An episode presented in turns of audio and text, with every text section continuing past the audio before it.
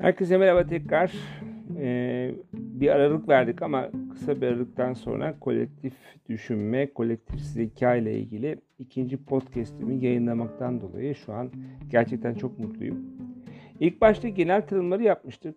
E, kolektif düşünme veya kolektif zeka konusunda yani bunun kolektif bilinci yaratmaya çalıştığını, insanların güçlü yanlarını ortaya çıkartarak farklı zeka yönlerini birleştirerek buradan maksimum veri elde çalıştığını aslında konuşmuştuk.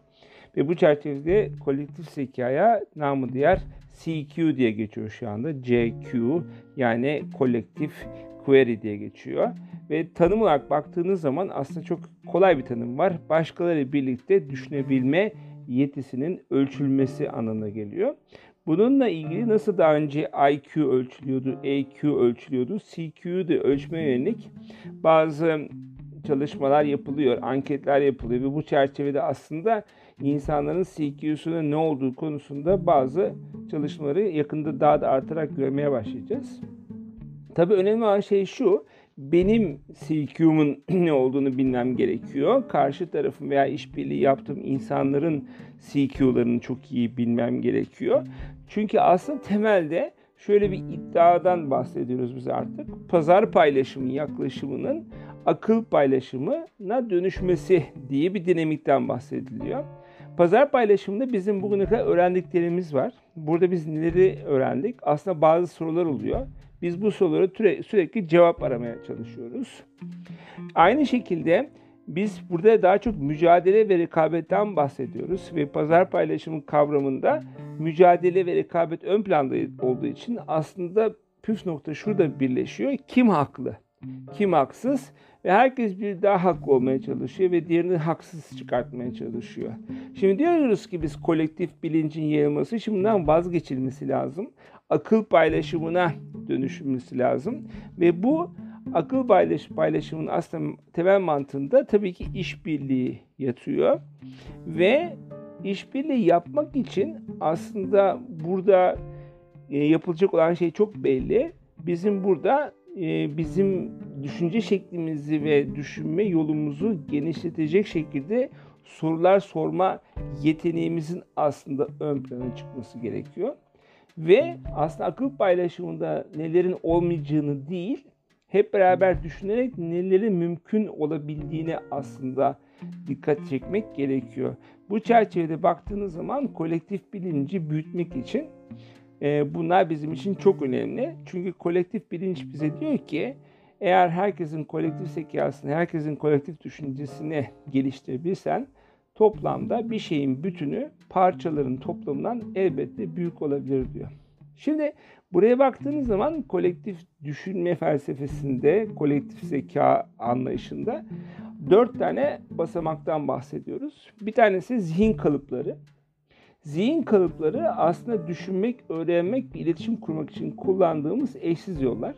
Yani ben nasıl düşünüyorum, e, diğerleri nasıl düşünüyor, bütün bu düşüncelerin içerisinde nasıl hareket ediliyor ve bu çerçevede baktığınız zaman bizim derdimiz ne? Benim kendi zihin kalıbımı çözebilmek, gerektiğinde işbirliği içinde olduğum diğer arkadaşlarımın, diğer takımların zihin kalıplarını çıkartmaya çalışıyorum.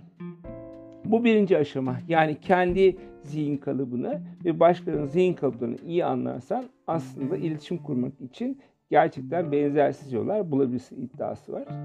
İkinci aşamada düşünme yetenekleri var. Düşünme yetenekleri dediğimiz zaman aslında düşünme yollarını bulmaktan bahsediyoruz. Burada da e, peşinde olduğumuz şey çok basit. Biz acaba enerji verecek şekilde belirli yeni düşünme yolları bulabilir miyiz? Yani birbirimizi düşürmek değil buradaki amacımız. Kolektif bilinci, kolektif var olmayı, kolektif düşünmeyi ve e, takımlarının kolektif zekalarını birleştirerek normalin çok üstünde sonuçlar üretmeyi hedefleyen bir anlayış çerçevesinde acaba biz enerji veren şekilde nasıl düşünebiliriz ve bütün biz bunları yaptığımız zaman biz buradan nasıl ilerleriz diye aslında e, ortaya çıkartmaya çalışıyor. Sonra üçüncü aşamada sorgulama var. E, herkesin sorgulama tarzları farklı. E, kimisi detayı çok sever, kimisi büyük resmi daha çok sever. Sorgularken doğru soruların aslında ortaya konması ve meselenin gerçekten iyi anlaşılması bizim için çok önemli.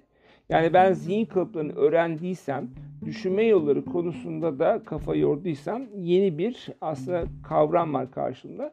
Sorgulama kapasitesi ve bu sorgulama kapasitesinde benim tabii ki farklı şekilde düşünen kesinlikle kolektif zeka bilincine sahip olan farklı insanlara ihtiyacım var ve bu sorgulama tarzlarını iyi anlarsam buradaki farklılıkları görmeye başlayacağım ve normalde reddettiğim birisini aslında ne kadar dinlemem gerektiğini ve oradaki görüşle buradaki anlayışla oradaki anlayışın arasındaki farkını bularak aslında bunların arasında köprü kurmam gerektiğini ortaya koymaya çalışıyor. Son kavram bizim gitmeye çalıştığımız kavram zaten akıl paylaşımı. Aslında burada akıl paylaşımında bir dönüşümden e, bahsediyoruz. Bu dönüşüm ortak bir gelecek konusunda insanların bir araya gelmesini sağlayacak bir dönüşüm. Çünkü bizim var olan zihin kalıplarımız var.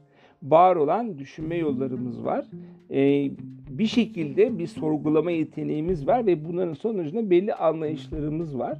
Fakat bu anlayışlarımızı dönüştürdüğümüz zaman ve ortak bir gelecek konusunda eğer biz adım atabiliyorsak eğer o zaman kavram çok farklı bir noktaya gelmeye başlıyor. Akıl paylaşımı dediğimiz noktaya doğru gelmeye başlıyoruz.